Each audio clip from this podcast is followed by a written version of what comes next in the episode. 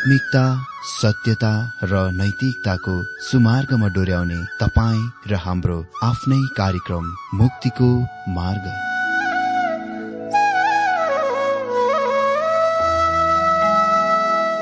आदरणीय श्रोता यस मुक्तिको मार्ग कार्यक्रममा हार्दिक स्वागत छ।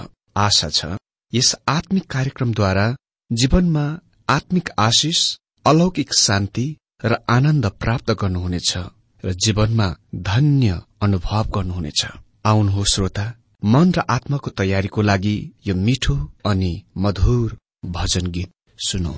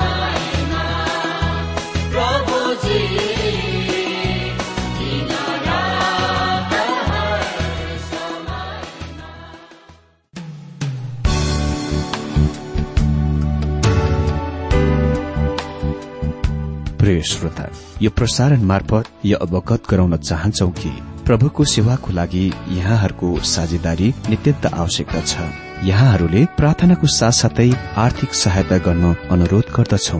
तपाईँहरूको सानो भन्दा सानो भेटी किन नहोस्? हामी प्रभुको नाममा स्वीकार गर्नेछौ प्रभुको सेवाको लागि। तपाईँहरूको यो सानो लगानीले कसैको जीवनमा भिन्नता ल्याउँछ अनि प्रभुको महिमा हुन्छ। प्रभु तपाईँहरूलाई महान गरी आशिष दिनुहुनेछ। इच्छुक श्रोताहरूले तपाईँको इच्छा भेटी हाम्रो ठेगानामा पठाउन सक्नुहुन्छ जुन ठेगाना हामी कार्यक्रमको अन्तमा दिनेछौ। प्रिय श्रोता मित्र प्रभु येशु ख्रिष्टको मधुर अनि सामर्थ्य नाममा मेरो जयमसी अनि हार्दिक स्वागत छ आजको यो बाइबल अध्ययन कार्यक्रममा। श्रोता आज हामी बाइबल अध्ययन मलाकी तीन अध्यायको आठ पदबाट अध्ययन गर्न गइरहेका छौं। अहिले हामी यी इसरायली मानिसहरूले बनाएका सातौं कट्टु व्यङ्ग्यात्मक आलोचना चर्चातिर आउँदछौ। यो पुस्तकमा आठपल्ट यी मानिसहरू परमेश्वरका बगवादी निर्लज उत्तरहरू फर्काउँछन्। तिनीहरूले आठपल्ट अटेरी विद्रोही बच्चाहरूले जस्तै उहाँले लगाउनुभएका दोषहरूको आरोपहरूको खारेज गर्छन् रद्द गर्छन्। आठपल्ट यी तथ्यहरूलाई अनभिज्ञ निर्दोष निष्कपट हुने बहाना बनाएर स्वाङ पारेर छलपूर्वक टाल्नेछन्। आठपल्ट तिनीहरू धर्मनिष्ठहरू हुँ भनेर बहाना बनाउँछन् र त्यसरी उत्तर दिन छोड्नेछन्। मलाकी तीन अध्ययको आठ पदमा लेखिएको छ के कुनै मानिसले परमेश्वरलाई लुट्छ र तापनि तिमीहरू मलाई लुटौ तर तिमीहरू सोध्छौ कसरी हामीले तपाईँलाई लुट्यौं र दशांशको भेटीमा? मित्र हाम्रा धेरै मण्डलीमा आशिष वचनको घोषणा गर्नको सट्टामा सम्भवत यो भन्नलाई उचित होला। चोरहरू चोर्न रोक। तिमीहरू परमेश्वरलाई लुटिरहेका छौ। अनि झुण्डहरूले तुरन्तै यो भन्ला तपाईँ हामीलाई यसरी नभन्नुहोस्। हामी उद्धारचितको दानी भेटी प्रभुलाई दिन्छौ। मित्र के तपाईँले त्यो गर्नुभयो? यो कुरा सुन्नुहोस्। के कुनै मानिसले परमेश्वरलाई लुट्छ र? तापनि तिमीहरू मलाई लुट्छौ। लुटेका छौ। तर तिमीहरू सोध्छौ कसरी हामीले तपाईँलाई लुट्यौं र? अनि परमेश्वरको उत्तर हो दशांशहरूमा भेटीहरूमा।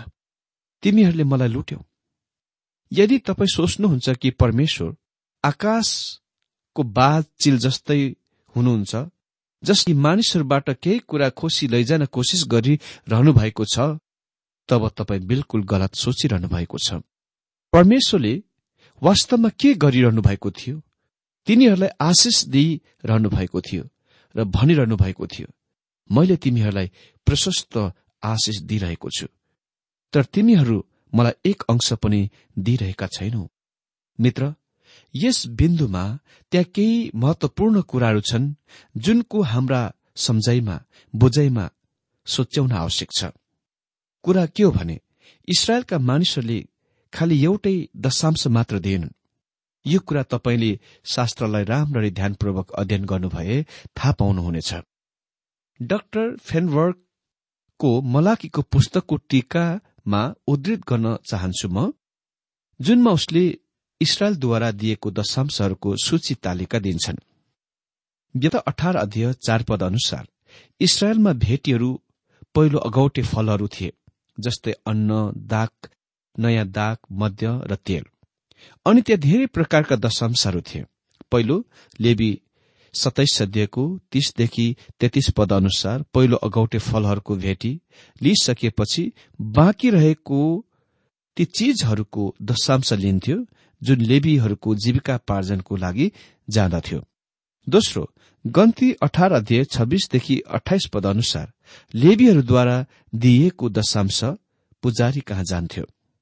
अनि तेस्रो व्यवस्था बाह्र अध्ययको अठार पद अनुसार पवित्र वासस्थान वा भेट हुने पालमा लेखिएको र तिनीहरूका आफ्नै परिवारहरू र आवश्यकताहरूको लागि झुण्डहरूद्वारा दोस्रो दशांश दिन्थ्यो। र चौथो व्यवस्था चौधको अठाइस र उन्तिस अनुसार गरीबको लागि हरेक तेस्रो वर्ष अर्को दशांश दिँदथ्यो मित्र म यस अन्तिम शास्त्रमा अधिक निकटबाट देख्न चाहन्छु किनभने यो कुनै कुरा हो। म जुनको मलाई लाग्छ आज हामीले निरीक्षण गर्न आवश्यक छ। म थाहा गर्छु कि हाम्रा सरकार र विश्वका देशका सरकारले गरीबहरूलाई सहायता गर्न धेरै प्रयत्न गरेका छन् तर मलाई त्यस्तो कुनै व्यावहारिकतामा देखाइ पर्दैन। बरु गरीबको सहायताको नाउँमा त्यो पैसा सबै ठूला बडाहरूको गोजीमा जान्छ। तर मेरो विचार धारणा यो छ कि हुने खाने सम्पन्न मण्डलीले गरीबहरूको सहायतामा ठूलो जोड़ दिनुपर्छ। आउनुहोस् इसरायललाई परमेश्वरको निर्देशनहरूको हेरौं। व्यवस्था चौध अध्यय अठाइस र उन्तिस पदमा प्रत्येक तीन वर्षको अन्तमा वर्ष वर्षको उब्जनीको सबै दशांश शहरको ढुकुटीमा थन्काउनु। के तिमीहरूसित शहरमा बस्ने केही हिस्सा वा अंश नहुने लेबीहरू र परदेशी टुहुरा टुहुरी र विधवाहरू आएर अघाउन्जेल खाउन् र परमप्रभु तिमीहरूका परमेश्वरले तिमीहरूका सबै काममा तिमीहरूलाई आशिष दिउन् त्यसकारण हरेक तेस्रो वर्ष त्यहाँ फाल्टु अर्को दशांश हुन्थ्यो जुन गरीबको लागि दिन्थ्यो। जब तपाईँ भन्नुहुन्छ कि परमेश्वरलाई इसरायलको दशांशको जरूर पर्यो वा आवश्यक पर्यो त्यसको तपाईँको तात्पर्य के हो त? हामीले यो कुराको बुझ्न आवश्यक छ कि त्यहाँ धेरै दशांशहरू थिए जुनको दिन्थ्यो अनि हाम्रा सोचाइहरूमा सोझ्याउनु पर्ने वा सोच्याउनु पर्ने दोस्रो कुरा हो हामी अनुग्रहको दिनमा रहिरहेका छौं। आज विश्वासीहरूले दिने काम इसरायलको बाट भन्दा एकदमै बेग्लै आधारमा छ। हामीले बेग्लै अर्कै आधारमा दिनुपर्छ। मण्डली व्यवस्थाको प्रणालीको रूपमा दशांश प्रणाली पद्धति मुनि छैन। यसको मतलब यो होइन कि कोही मानिस परमप्रभुलाई दशांश दिन सक्दैन। हुन सक्छ त्यो नै बाटो वा तरिकामा प्रभुले तिनीहरूलाई दिन अगुवाई गर्नुभएको छ। तर हामीले यो कुराको ध्यान दिनुपर्छ। प्राचीन पहिलो शताब्दीका मण्डलीले दिएको र दिने भेटी दानको। जब पाओले कोरन्थियनहरूलाई लेखे उसले म्यासोडोनियनहरूलाई उदाहरणको रूपमा लेखे। भनिएको छ कष्टको भयंकर परीक्षाको बीचमा पनि प्रष्ट आनन्द र घोर दरिद्रतामा तिमीहरूले उद्धार चितले दान दिए। मित्र यद्यपि गरीबहरू भए तापनि म्यासोडोनियनहरूले उद्धार चितले दान दिए। दोस्रो कुरन्थी आठको तीनमा पढ्छौ। तिनीहरूले आफ्नो औकत अनुसार र औकत भन्दा बढ़ी पनि राजी खुसीले दिए। तिनीहरूले कुनै दशांश भन्दा धेरै दिए। दशांश भन्ने कुरा त तिनीहरूको सोचाइमा परेनन्। प्रभुलाई तिनीहरूको प्रेमको कारण तिनीहरूले त्यसरी दिए। अनि तिनीहरूले दिएका अर्को कारण पाउल हामीलाई बताउँछन् दोस्रो कुरन्थी आठ अध्ययको चार पदमा तिनीहरू सन्तहरूको सहायताको निम्ति भाग लिन पाऊ भनेर हामीलाई आग्रहपूर्वक विन्ती गरे। देख्नुभयो दिने काम दिने कुरा संगति हो। यो संगतिको भाग वा अंश हो र मण्डलीको आराधनाको अंश हो। भाग हो। दोस्रो कुरन्ती आठ अध्ययको पदमा लेखिएको छ हामीले अपेक्षा गरी बमोजिम तिनीहरूले गरेनन् तर तिनीहरूले पहिले आफैलाई प्रभुमा अर्पण गरे र परमेश्वरको इच्छा अनुसार हामीलाई दिए। यो नै कारण म समय समयमा यो स्पष्ट पार्दै आएको छु कि यदि तपाईँ उद्धार नपाएको व्यक्ति हुनुहुन्छ भने यदि तपाईँ नयाँ जन्म पाएका विश्वासी हुनुहुन्न भने मित्र तपाईँले प्रभुको निम्ति दिनुभएको रुपियाँ पैसा बेकार छ। भन्नु नै पर्दा तपाईँले दिने काम तपाईँको निम्ति आशिष हुन सक्दैन। परमेश्वरले खालि आफ्ना सन्तानहरूलाई देऊ भन्नुहुन्छ। के तपाईँले कहिले यो कुराको ध्यान दिनुभएको छ? करारको सन्दुक इसरायलका पुजारीहरूको कानमा बोकिन्थे। परमप्रभुले त्यसलाई बोक्न बाहिरबाट कसैलाई बोलाउन सक्नुहुन्थ्यो वा उहाँले त्यसको बोक्न गाडा उपलब्ध प्रबन्ध गर्न सक्नुहुन्थ्यो। किनभने गाडाले अरू केही कुराहरूको बोझलाई राम्ररी असल तरिकामा बोक्दथ्यो। तर करारको सन्दुक जुनले ख्रिष्टको बताउँछ पुजारीहरूका काँधहरूमा बोक्नु पर्दथ्यो। यदि हामीले उहाँले हाम्रो निम्ति के गर्नुभएको छ सो कुराको बारेमा उहाँको सन्देश बोक्न गइरहेका छौं भने यसको ती मानिसहरूका कानमा बोक्नुपर्छ जो पुजारीहरू हुन् जो उहाँका आफ्नैहरू हुन्। यदि तपाईँ र म विश्वासी उद्धार पाएका जनहरू होइनौ भने उहाँले हामीलाई त्यो गर्न भन्नुहुन्न। दोस्रो कुरन्ती आठ अध्ययको आठ पदमा हामी पढ्छौ मैले यो आज्ञाको रूपमा भनेको होइन तर अरूहरूको जोसँग तुलना गरेर तिमीहरूको प्रेम साँचो हो भन्ने प्रमाणित गर्नलाई मैले यो भनेको हुँ। तपाईँको दिने कामले ख्रिसको लागि तपाईँको प्रेमको प्रमाणित गर्छ। उहाँले तपाईँलाई दिन भन्नुहुन्न। एउटा अङ्ग्रेजीमा यसो भन्छ मैले दिएँ मैले तिम्रो लागि जीवन दिएँ। तिमीले मेरो निम्ति के दिएका छौ? जुन कथनको अर्थ एकदम अशास्त्रीय छ। उहाँले कहिले पनि तपाईँलाई त्यो प्रश्न गर्नुभएको छैन। सोध्नु भएको छैन। उहाँ भन्नुहुन्छ युवाना चौधको पन्ध्र पदमा यदि तिमीहरू मलाई प्रेम गर्छौ भने मेरा आज्ञाहरूको पालन गर। दोस्रो कुरन्ती आठ अध्ययको नौ पदमा हामी पढ्छौं किनकि हाम्रा प्रभु येशु ख्रिष्टको अनुग्रह तिमीहरूलाई थाहा छ।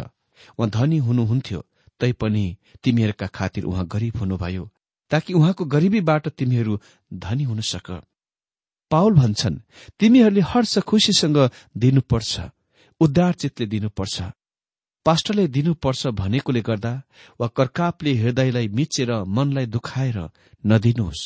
मेरो मित्र भेटीदान दिने कुरा सेवाको राजी खुसीको आनन्द हर्षको एक भाग हुनुपर्छ। एक भाग हुनुपर्छ। यदि तपाईँ राजी खुसी र हर्षले दिन सक्नुहुन्न भने तपाईँ नदिँदै उक्तम हुन्छ। यसले कति पनि फाइदा गर्दैन। यो कति पनि काम गर्दैन। यो उहाँलाई ग्रहणयोग्य हुँदैन र आशिष दिन सक्नुहुन्न। म यो ठोकेर भन्न सक्छु। दोस्रो कुरन्ती आठ अध्यायदेखि लिएर निरन्तर दोस्रो कुरन्ती नौ अध्यायसम्म पावल त्यस आधारको बारेमा छलफल गर्छन् जुनमा ख्रिस्टियन विश्वासीहरूले दिनुपर्छ। म सोच्दछु कि ख्रिस्टियन जगतमा धेरै धनी मानिसहरूले दशांश भन्दा धेरै प्रभुको निम्ति दिनुपर्छ। इसरायलले दश दशांश भन्दा धेरै दिए भन्नु नै पर्दा त्यहाँ चार दशांशहरू थिए मतलब चालिस अंश दिन्थे। मित्र एकजना विश्वासीले मलाई दशांशको विषयमा प्रचार गर्न आग्रह गरे र आज पनि धेरै मण्डलीहरूमा आग्रह गर्दछन्।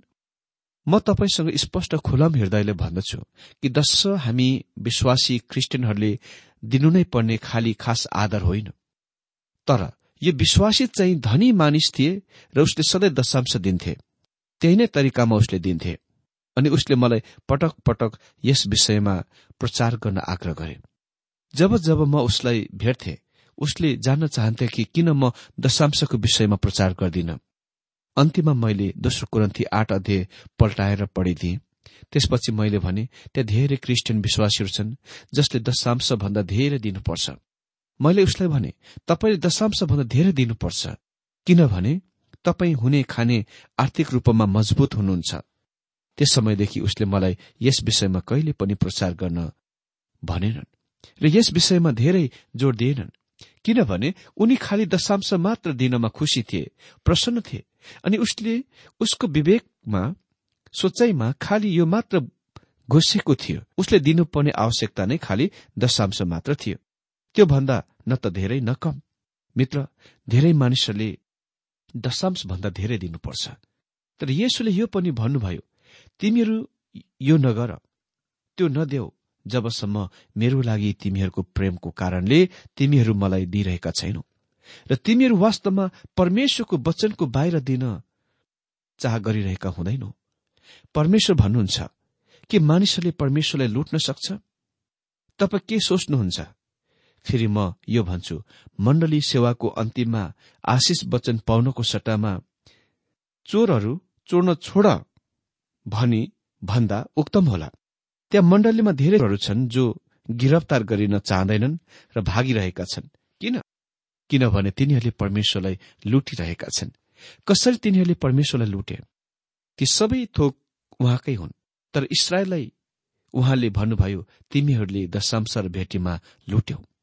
मित्र यो अद्भुत कुरा छ कि भूतकालमा कोही धनी मानिसहरूले परमेश्वरलाई कति उद्धार चितले दिए। अमेरिकामा हेर्से चकलेट कम्पनीको संस्थापक जो क्रिस्चियन थिए उसले प्रभुलाई नियमित रूपले दिन्थे। विलियम रिगले जो रिङले गम कम्पनीका संस्थापक थिए उसले पनि अति नै धेरै उदारचितले प्रभुलाई दिन्थे। मित्र यो प्रख्यात कम्पनीका प्रमुखहरू संस्थापकहरूको बारेमा कुरा गरिरहेको छु जो नयाँ पिढ़ीको बारेमा होइन। अनि दाँत माझ्ने टुथपेस्ट हामीले देखेकै र प्रयोगकै हुनुपर्छ कोलगेट। यस टुथपेस्टको संस्थापक कोलगेट हुन् जो गरिब थिए। फुटपाथमा दोकान गर्ने मानिस थिए। तापनि उनी प्रभुलाई दिने काममा विश्वासयोग्य र इमान्दार थिए। प्रभुले उसलाई निरन्तर आशिष दिँदै जानुभयो। आज कोलगेट विश्वमा एक प्रख्यात टुथपेस्ट हो। सबैले यसको प्रयोग गर्छन्। त्यति मात्र होइन यो भनिएको छ कोलगेटले आफ्नो आमदामीको दश प्रतिशत होइन तर नब्बे प्रतिशत दिए।